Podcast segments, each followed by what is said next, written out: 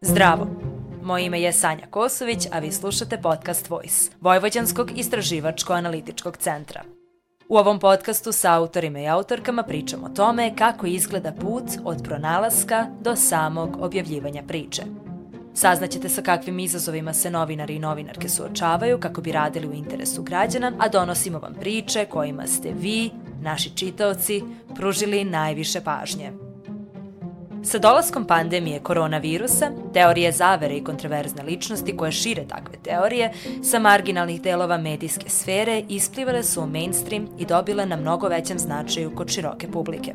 Pored brojnih opasnosti koje je to donelo sa sobom, jedna od najznačajnijih bila je svakako i uticaj antivakserskog lobija. Tako je vakcina, civilizacijska tekovina koja je kroz godine sačuvala mnogobrojne živote, za mnoge ljude, ne samo u Srbiji, već širom sveta, postala upitna, ali i zastrašujuća.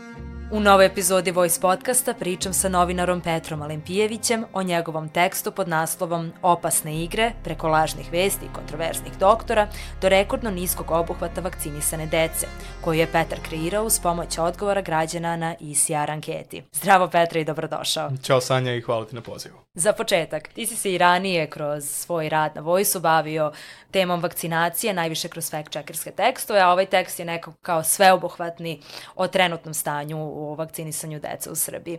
E sada šta je tebe uopšte podstaklo da se sada baviš ovom temom? Pa dobro si to rekla u najavi, zapravo da je danas relativizovana vakcina kao jedna zaista civilizacijska tekovina koja je spasila milione života na, na ovoj zemlji i s obzirom da je danas ona dovedena u pitanje, ja mislim da to jeste tema od javnog interesa, pogotovo što mi u Srbiji imamo problem sa, sa vakcinacijom. A, mi smo ovu priču odradili preko ICR ankete, u tome su nam pomogli građani, pre svega građani Vojvodine, I ono što mislim da je važno da kažem jeste da se umeđu vremenu, nakon što smo mi objavili anketu, objavljen je i taj izveštaj Instituta za javno zdravlje dr. Milan Jovanović Batut, gde se zapravo navodi da, pa ako mogu da kažem, neke poprilično opasne brojke. Pre svega mislim na nizak obuhvat vakcinacijom uh, vakcine MMR, koja se odnosi na male boginje rubiolu i zauške, Pogotovo je skandalozno što je mi sad snimamo ovaj podcast u Novom Sadu gde je zabeležen obuhvat vakcinacije u 2021. od 24,8%. Dakle, u čitavom Novom Sadu jedan uh, onako prilično skandalozna brojka, najniža u Srbiji. I stoga smo mi rešili da vidimo o čemu se tu radi, zbog čega ljudi ne veruju u vakcinu, uh, zašto ljudi veruju da vakcina izaziva autizam i prosto naš je cilj nekako da približimo nekom prosečnom čoveku da li je to istina, i zbog čega nije istina, ako tako da kažem. Razgovarali smo sa stručnjacima i prosto e, cilj nam je da nekako, ako mogu tako da kažem, i e, doprinesemo tome da se institucije na nekom ozbiljnijem nivou pozabava ovim problemom, jer imaćemo problem. E sad već kad si pomenuo taj izveštaj, šta je, sve, šta je sve pokrio taj izveštaj i šta su pokazali rezultati? Da, dakle reč je o izveštaju koji, koji se odnosi na obuhvat e, vakcinacije iz 2021. godine. A, uopšteno, najveći problem jeste ta MMR vakcina, koja se a, najčešće dovodi u vezu sa, sa autizmom, zbog čega mislim da ćemo kasnije malo potrobnije o tome, o tome popričati. Dakle, hajde ovako ukratko samo da rezimiram. Dakle, u 2021. godini u čitavoj Srbiji obuhvat MMR vakcinom je 74,8%. A neki, kako da kažem, optimum koji je neophodan za sticanje tog nekog imuniteta je 95%. Nijedna opština u Srbiji, nijedna, nijedna region u Srbiji nije ispunio tu kvotu od 95%. Ono što je posebno šokantno u celoj toj priči jeste da Novi Sad kao jedan od najrazvijenijih delova Srbije. Dakle, u našem gradu je procenat obuhvata dece koje su vakcinisane MMR vakcinom 24,8%, što je najniže u Srbiji. Uh mhm. -huh. A, jedino ko ispred nas je, mislim ispred nas, dakle ko je pretpostavljen na toj listi je Vladičin Han. Mhm. -huh. Zamisli, mislim, dve opštine koje su ono sušta suprotnost u svakom aspektu. Tamo je, čini mi se, preko 30%, neki 34%, čini mi se da je tamo obuhvat vakcinacije, što ti dovoljno govori o tom paradoksu cele te situacije.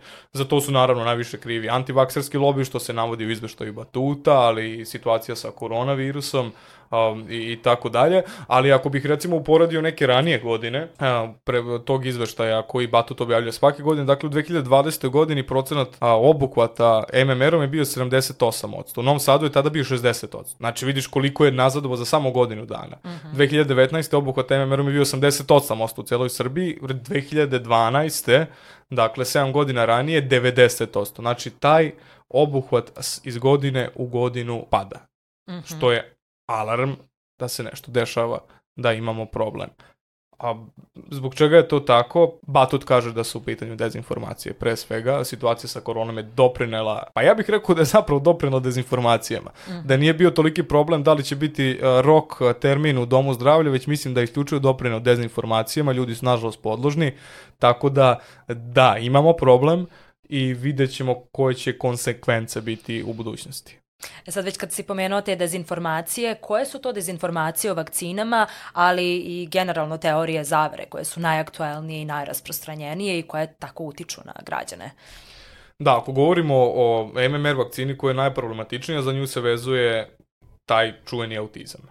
A, možemo i o tome popričati podrobnije zbog čega je tako, ali a, postoje i druge neke bolesti koje se vezuju za, za MMR kao posledice primanja MMR vakcine, to su eto, građani su vam rekli da je to recimo dermatitis, da je to, ne znam, demencija, um, neke druge bolesti koje se vezuju za te um, psihološke poremećaje, za ostanak u razvoju, prestanak govora, čak nam je jedna građanka rekla da poznaje osobu čije dete nakon primanja MMR vakcine dobilo menstruaciju u drugoj godini. Uh mhm. -huh. Mnoge neke stvari se vezuju za MMR, očigledno svaka bolest koja nastupi u tom periodu, u tog životne dobi, prva, druga godina, koja se dobije onako naglo se povezuje sa MMR vakcinom. Naravno, ništa od toga nema uporište u nauci, ništa od toga nije dokazano medicinski, ali eto, ljudi sve to povezuju. Ali eto, definitivno jeste, jeste, uh, jeste uh, autizam ono što se najčešće povezuje, tako da sa tim imamo problem. Da je sad baš ta tema za autizam, to je bilo aktualno i pre koronavirusa, to je jedna jako poznata teorija zavere po pitanju vakcina i, nje, i, i njenih nuspojava. E sada, šta je ono što se ti saznao kroz ovo istraživanje? Odakle uopšte ta ideja da vakcina izaziva autizam i šta se u stvari krije iza, iza toga? Da, pa ja verujem da prosečan čovjek koji veruje u autizam, veruje zato što je to negde čuo na društvenim mrežama. Ali zapravo priča o autizmu dolazi iz 1998. godine, kada u jednom renomiranom, poznatom, priznatom naučnom časopisu koji se zove Lancet, britanski gastroenterolog Andrew Wakefield obra, objavio članak ili, ajde da kažem po znacima navoda, istraživanje u kojem zapravo povezuje MMR vakcinu i autizam i neke stomačne probleme i tako dalje. To je dakle objavljeno 98. godine. U godinama koje slede, dakle Andrew je to objavio sa svojim saradnicima, u godinama koje slede taj članak je više puta demantovan. Dakle, demantovale su ga silne neke organizacije, naučnici i tako dalje. Tog članka, tog istraživanja su se odrekli svi Andrewovi saradnici, dakle, rekli su to nije tačno, da pogrešili smo, a, Andrew je izgubio licencu doživotno, ne bavi se više ovim, nije više lekar, sad se trenutno čini mi se da je antivakserski aktivista. Uh -huh. 2010. godine, 12 godina nakon objavljivanja, taj članak je povučen čak iz Lanceta, međutim, ostavio je nemerljive posledice. Svetska zdravstvena organizacija je rekla da je to zapravo jedan od najvećih udaraca na medicinu ikad, koliko je štetu naneo uh -huh. ovaj, taj, taj članak Andrewa Andrew Wakefielda. Urađene su brojne analize koje su to demantovale. Najveća analiza urađena je u Danskoj na nekoliko stotina hiljada dece je zapravo utvrđeno da nije. Ne, ne, ne, nema uopšte povezanosti da. između MMR, i, MMR vakcine i, i autizma. Međutim, eto, danas je 14 godina je prošlo od objave, od objave tog članka posledice su i dalje vidljive i ne samo da su vidljive, već mi deluje da one rastu, da stalno sve više tih antivakserskih, pa sa jedne strane antivakserskih aktivista, sa druge strane ljudi koji veruju tim antivakserskim aktivistima. Tome je definitivno doprineo internet, društvene mreže i svi ostali problemi koje imamo mi generalno sa, sa lažnim vestima. I dakle, nije ovo samo slučaj u Srbiji. Mi sad govorimo o Srbiji, ovo je slučaj u celom svetu. Mm -hmm. E sad, možda bi bilo najbolje da poslušamo kako je to objasnio i tvoj sagovornik, predsednik Udruženja pedijatara Srbije, profesor dr. Georgios Konstantinidis. Da, autizam je ovaj, jedna stvar koja podrazumeva jednu vrstu oboljenja ili da kažem nešto što ima tako specifične, karakteristične simptome kao što mi zamišljamo ovaj, u onom kišnom čoveku što je bio Dustin Hoffman i tako dalje, ne postoji. Autizam je jedan širok spektar stvari takozvanih tih pervaznih, pervazivnih poremeća koje imaju različitu etiologiju, najčešće nerazjašnjenu, ali je jako malo verovatno da jedna tako strogo određena, definisana stvar kao što je sastav vakcine može da izazove tako raznoliki široki spektar. Pričemu opet naglašava. Problem je tome što se autizam prvi znaci javljaju i koincidiraju sa vakcinom protiv morbila, to je znači prvih posle prve godine, 12-15 meseci i tako dalje. Ono što svakako, mislim, pored interneta i svega, doprinosi, uh, ajde, širenju teorije zavera, ali možda više i verovanju građana u te teorije zavere su svakako i poznate ličnosti, posebno doktori koji ih šire. Sad, ti si pominjao tek samo Branimira Nestorovića, ako se ne varam. Sad možda malo više da mi kažeš i o tome. Da, pa Branimir Nestorović je jedan fenomen koji je onako postao jedna javna ličnost, čak i političar ove godine osnovao političku stranku, samo na konto toga što je antivakser i neko ko je se protivio ovoj priznatoj medicini. Da, Tako... mislim, on je bio i na početku samog, same pandemije, on je bio onaj šaljivđija, ha, ha, hi, hi, to je samo virus sa Facebooka i slično. Jeste, jeste, da, virus postoji samo na Facebooku, idite u Italiju, svašta nešto i bio je simpatičan i sad je simpatičan, ako ja gledam, čak sam nasmešim ponekad. Tako da da, ono, ali uh, uzao sam njega kao primjer jer jeste najpopularniji i najčešće širi i dobija medijsku pažnju i ima milionske preglede, ljudi ga hvale, vide ga kao svetlo na kraju tunela i tako dalje. Međutim, uzao sam primjer portala Fake News Tragač koji je specializovan za lažne vesti koji objavio desetine tekstova gde demantuje izjave profesora, doktora zapravo, Branimira Nestorovića, međutim postoji mnogi drugi, naravno, nije Nestorović usamljen u toj celoj priči i ljudi sada skupljaju političke poene na, na toj, pa da kažem, na tom antivakserskom lobiju. Međutim, znaš kako, teško je kriviti pojedinca u celoj toj priči, jer prosto ne može biti pojedinac kriv za ovakvu situaciju. Možda mogu da krivim Branimira Nestorovića, možda mogu da krivim neke druge lobiste, ali nekog prostrašnog antivaksera ili čoveka koji veruje da MMR izaziva autizam, ja ne mogu da krivim, jer prosto Um, znaš kako, kad se zamislim u celoj toj priči zašto ljudi veruju u autizam, zamislim neka dva roditelja koji dobiju dete, zdravo dete na rođenju, to dete posle godinu dana primi MMR vakcinu, posle par nedelja ili par meseci to dete prestane da govori i dobije neke zdravstvene posledice i tom detektu se diagnostikuje autizam. U tom trenutku naravno da roditelji ne mogu da veruju šta se desilo, kako je moguće zdravog deteta se dobije autizam, autizam ne postoji egzaktan naučni dokaz kako se dobije autizam. Mm -hmm. I potreban je krivac. Naravno, u tom trenutku ljudi traže objašnjenje, a jedino objašnjenje koje dobiju je taj autizam. Jeste. I to da a, MMR vakcina zapravo izaziva autizam. I u tome je zapravo suština celog ovog problema. Ljudi traže objašnjenje, ljudi ne mogu da veruju i to je, mislim, neka prirodna pojava, nisam ja psiholog, to o tome psiholozi mogu podrobnije da objašnjavaju, ali ljudi traže objašnjenje o celoj toj situaciji. MMR vakcina je jedino objašnjenje koje mogu da dobiju, koje nema ni jedno uporište u nauci i realnost. Ali ljudi poveruju i onda kad se pojavi Nestorović ili kad se pojavi, ne znam, neki drugi um, aktivista, lobista i političar, nažalost, koji to govori, naravno da će dobiti popularnost, jer kao, evo ga, on jedini o tome sme da govori. A da li taj političar veruje u to, diskutabilno. Mora da. samo dobija poen. Da, ono što je takođe važno možda da napomenemo je činjenica da Branimir Nestorović, on je čovjek pulmolog. On nema veze u svojoj struci sa samim vakcinama. Isto tako sada, ako bismo nabrali još njih, jako često se samo kaže da su doktori ili ne kaže se čega tačno. I onda tu dolazi opet do tog šuma u komunikaciji. Pa da, mislim možemo sada i na, i na tome, i na toj ovaj, osnovi da, da diskutujemo, eto i britanski taj doktor koji je objavio, koji je objavio tu studiju gastroenterolog. Tako da mislim možemo i po toj osnovi, ali generalno ne znam ako uzmemo u obzir da jedna od jedna od srpskih političarke koja zastupa tu tezu uh mhm. -huh. o antivakcinacije ili kako ona kaže nisam antivakserka, ja sam vakcinalni skeptik, poštujem. Uh -huh. To je doktorka Jovana Stojković. Da. Ona je prosto svoju karijeru izgradila na, na, tom, na, toj, na tom političkom, ba ne, političkom antivakserskom diskursu, ali ona jeste političarka, nju gledam kao doktor koji kao političarku koja skuplja poene isključivo na tome. Da, a i ona je na kraju dana psihijatar. Psihijatar. Pa jeste, ona je doktor psihijatrije, ukoliko, da. ukoliko, se ja, ukoliko se ne varam, jeste doktorka psihijatrije psihijatrije, ali ona je izuzetno popularna. Njene, ona ima na Facebooku čini mi 40.000 pratilaca. Dakle, ona jeste popularna i ona na tome skuplja poene. I onda ona navede, ne znam, tamo neko istraživanje koje, ne znam, nije kakvo, ona je više puta fact checkovana i tako dalje. Da. I ljudi prosto kažu, evo, ova žena sme da kaže, ona je doktorka, kome ćemo da verujemo ako nećemo njoj. A Ona sme da kaže ono što drugi ne smeju. Tako, ali ni ona, kažem ti, eto vidiš, ni ona ne kaže da je antivakserka, zato što ona je članica, a, mislim da bi se ona više obradala da kažem da je član ovaj, Lekarske komore Srbije, tako da i ona ne sme da kaže da je antivakser, ker biće izbačena iz Lekarske komore Srbije, a ona i dalje u Lekarskoj komori Srbije išla je na sud zbog kojih stavova, ali čini mi se ona i dalje lekarska, članica Lekarskog komora, član Lekarske komore Srbije, ali suštinski ni doktorka Ivana Stojković, ni doktor Branimir Nastorović nisu usamljeni i neki drugi su, kako da kažem, izgradili svoje karijere ili bar doprinjali rejtingu time što su zastupali te antivakserske stavove, tako da mi možda imamo taj problem u političkom diskursu i na toj osnovi može da se raspravlja definitivno.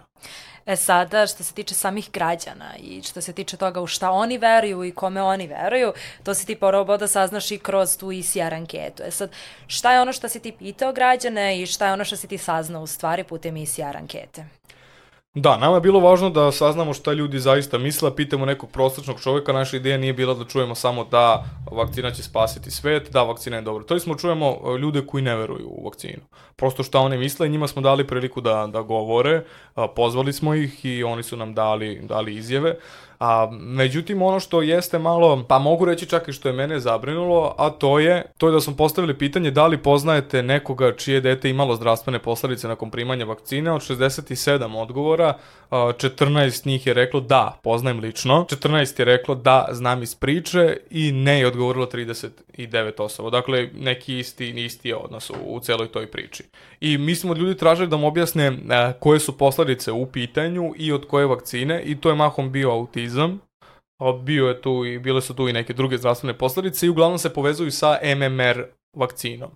I ljudi koje smo pozvali, koji su nam ostavili kontakt i koje smo pozvali pitali da li je to potvrđeno da je ta zdravstvena posledica autizam, da li je to posledica vakcinacije, rekli su ne. Zato što ne, ne, ne postoji naučni dokaz da, da, da je to povezano, znaš, i prosto onda ljudi, to ljudi povezuju sa tim i kažu da, jeste, zato što su tako čuli, ali ne postoji ni jedno uporište u, u nauci. Mislim, prosto u celoj toj priči jeste problematično to što se autizam generalno dobija nakon prve godine života, baš u periodu kada, kada se prima MMR vakcina, I prosto e, jedini onako da kažem razlog ili jedino objašnjenje zašto je dete dobilo jeste a, MMR vakcina i onda svaki drugi poremećaj ozbiljniji koji dete dobije naravno pripisat će MMR vakcine pošto eto to se tamo priča na društvenim mrežama garanti od toga niko ne sme to da im prizna tužit ću državu i tako dalje. Da. E sad možda bi bilo najbolje da mi poslušamo neka, nekoliko odgovora iz ICR ankete. Dete naših prijatelja je nakon primanja MMR vakcine doživalo deči fras i provelo više dana u bolnici pod visokom temperaturom. Teška reakcija nakon primanja MMR vakcine kod čerke, bratanca i drugaricine čerke. Jedna od trajnih posledica je poremećaj hormona i prerana menstruacija kod devojčice, sa dve godine. Kod troje dece naših kućnih prijatelja javio se autizam nakon dobijanja MMR vakcine – Kod jednog deteta u rodbini prestanak fizičkog rasta, iako se do tada dete normalno razvijalo. Kod četvoro dece iznenadni dijabet. Kao što smo čuli i kao što si ti sam rekao, da je anketiranih je delio tako ta neka njihova ili lična iskustva ili iskustva poznanika i slično. Sad ono što i sam si rekao da znači tu nema ni, nikakvog dokaza za, za, sve te, za, sve te izjave. E sad, koje su generalno, šta je ono što si ti saznao, šta, šta je ono što ste lekari rekli, šta su u stvari neke neželjene posledice, da kažemo, potencijalne od vakcina, koje su neke realne? Da, to su neki blagi kliničke slike poput temperature, može biti crvenilo na mestu uboda, slinjenje i tako dalje. Profesor Konstantinidis, kog smo imali priliku stvari da čujemo, je a, rekao da otprilike neke teže alergijske reakcije mogu da se jave jednom u 100.000 slučajeva. I onda on kaže to bi otprilike značilo jednom u dve godine u Srbiji mm -hmm. da se jave neke teže reakcije. Ali kaže njemu nije poznato za vreme njegove karijere da se to, da se to ikada i desilo. Znači, to su jedine priznate reakcije koje mogu biti posledica, ako govorimo o MMR vakcini koja, koje sam ja dao onako jedan na značaju, jer mislim da, da jeste najproblematičnija po znacima navoda, ljudi naj, najviše veruju da ona, da je ona problematična. Tako da suštinski to jesu blage kliničke slike, ali na, prosto, znaš kako, a, ljudi su skloni tome da, da veruju da dete u tim godinama a, ne može da oboli od neke teže bolesti i onda prosto sve što odskače od toga je nije nauka priznala, postoji problem, neko, ne znam, nas vara ili šta god mm -hmm. i onda će naravno to prepisati vakcini. Ali eto, ovo što je naučno dokazano, to smo i naveli. E sada, šta je ono što su tebi rekli skeptični građani i ono što si ti dobio iz ankete, što si mogao sam da zaključiš, šta je ono što najviše utic, utiče na to nepoverenje koje građani imaju ili šta, šta makar doprinosi tom nepoverenju? Da, to jeste dobro pitanje. Ja bih rekao da je poprilično ova situacija sa koronom uticala, jer i vakcine protiv korone su onako bile pod lupom i kao da li su dobre, da li nisu, ne želim da budem ni aktivista, ni na drugoj strani, ja sam primio tri doze, ome, živ sam, zdrav sam, kao nisam imao nijednom koronu, iako radim posao koji radim, stalno sam među ljudima, ali opet ćeš čuti drugu stranu, reće osoba, a, eto i ja isto nisam nosila masku, a, ne znam, a, nisam se vakcinisala, bila sam među ljudima i nisam nijednom kašljucnula. Da. Dobro, da, mislim, na, naš, nisam ja lekar i uopšte neću da, da se, da idem nešto duboko u tu priču, ali zapravo ja bih rekao da je najveći problem politika ali zaista to mislim, da jeste politika, jer a, ne znam ako uzmemo primer, sad mi prvi pada na pamet Saša Radulović, pomenuli smo Jonu Stojković, Branimir Nestorović, ali Saša Radulović je izuzetno jedan, jedan lik koji se probio u celoj toj priči. A, recimo, ja sam našao negde iz 2017. godine kada je u Srbiji posle 20 godina prvi put izbila epidemija malih boginja. Dakle, posle 20 godina prvi put u Srbiji izbija epidemija malih boginja te 2017. godine. Obolelo je onako više hiljada ljudi, 15 je preminulo. A, tada je, dosta je bilo, pokret Saša Radulovića objavio saopštenje gde su zabrinuti zbog niskog obuhvata vakcinisane dece. Mm -hmm. Dve ili tri godine kasnije taj isti pokret dosta je bilo i onako poprilično radikalno na, protiv vakcine protiv COVID-19. Dakle, možemo da povučemo tu neku paralelu sa političkim poenima. Mm -hmm. S druge strane, Saša Dulović je jedan lik koji je izuzetno sklon manipulacijama, lično.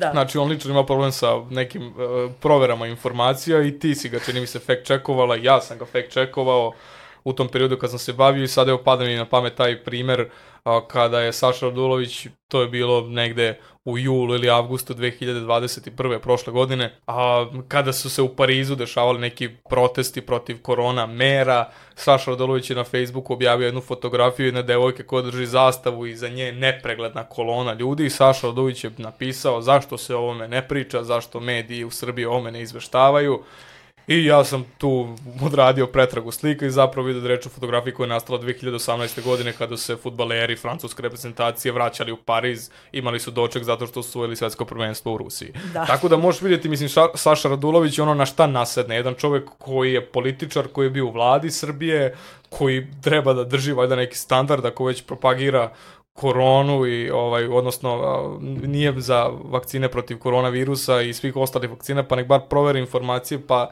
nek podeli nešto nije tako lako proverljivo.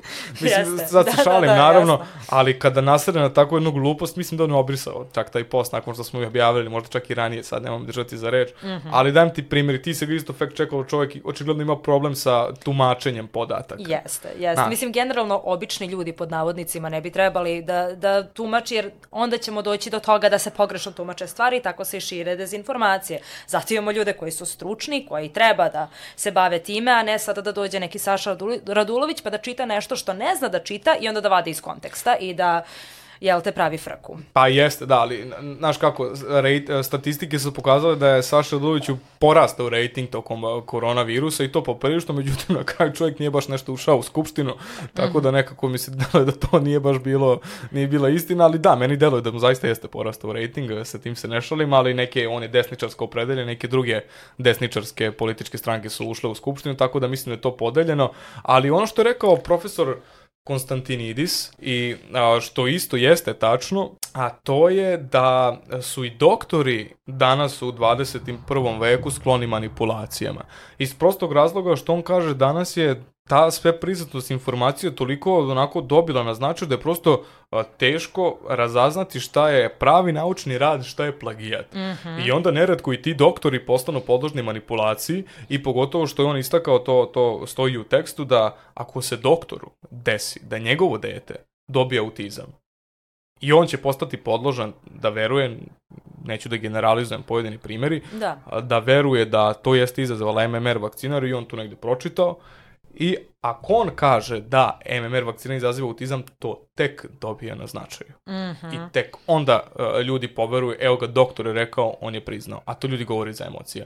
Doktor Konstantinis kaže da je to subjektivno shvatanje objektivne stvarnosti. Mm -hmm. Što mhm. zaista, mislim, jeste tako očigledno. Pored smanjenja broja vakcinisane dece i generalno potencijalno toga da se još više smanji taj broj, uh, šta su po tvom mišljenju još posledice ovakvih teorija zavere u društvu? Posledice su mnogobrojne.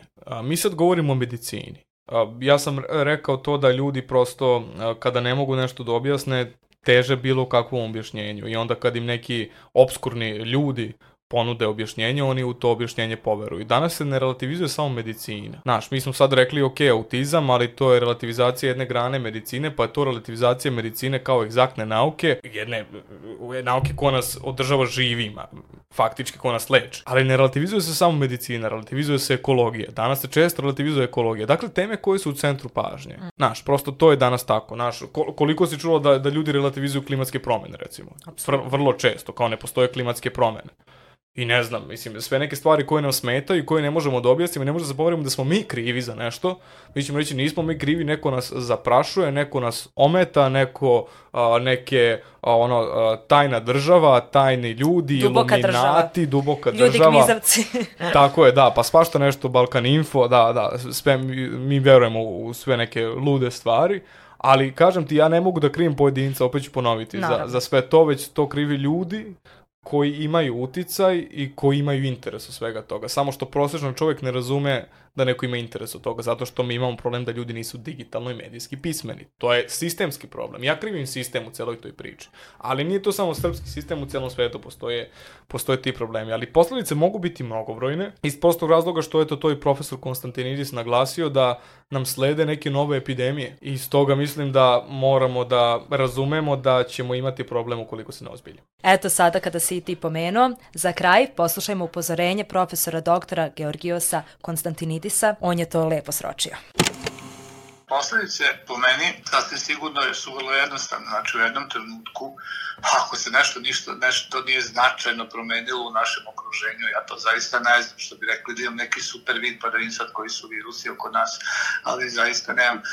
Vrlo verovatno da će u nekom trenutku izbiti epidemija. Ona je u Srbiji uvek izbijala svake 3-4 godine. Poslednja je bila, rekao sam, 2017. decembara, mart 2018. Znači, kada se nakupi dovoljan broj nevakcinisane dece. Njih je sada sve više i više. Znači, ja sad ako prođemo poslednje 4 godina, koje pred recimo obuhvatio 75%, ajde 80%, to znači da praktično čitava jedna generacija nije vakcinisana. Hvala ti Petra što si gostao u ovoj epizodi Voice podcasta. Hvala tebi Sanja i nadam se da ćemo sledeći put razgovarati o nekoj lepšoj temi. Takođe. Slušali ste Voice podcast u kom sam razgovarala sa novinarom Petrom Alimpijevićem o njegovom tekstu pod naslovom Opasne igre, preko lažnih vesti i kontroversnih doktora do rekordno niskog obuhvata vakcinisane dece, koju je kreirao uz pomoć odgovora građana na ECR anketi. Slušajte Voice podcast i sledećeg meseca. Hvala na pažnji.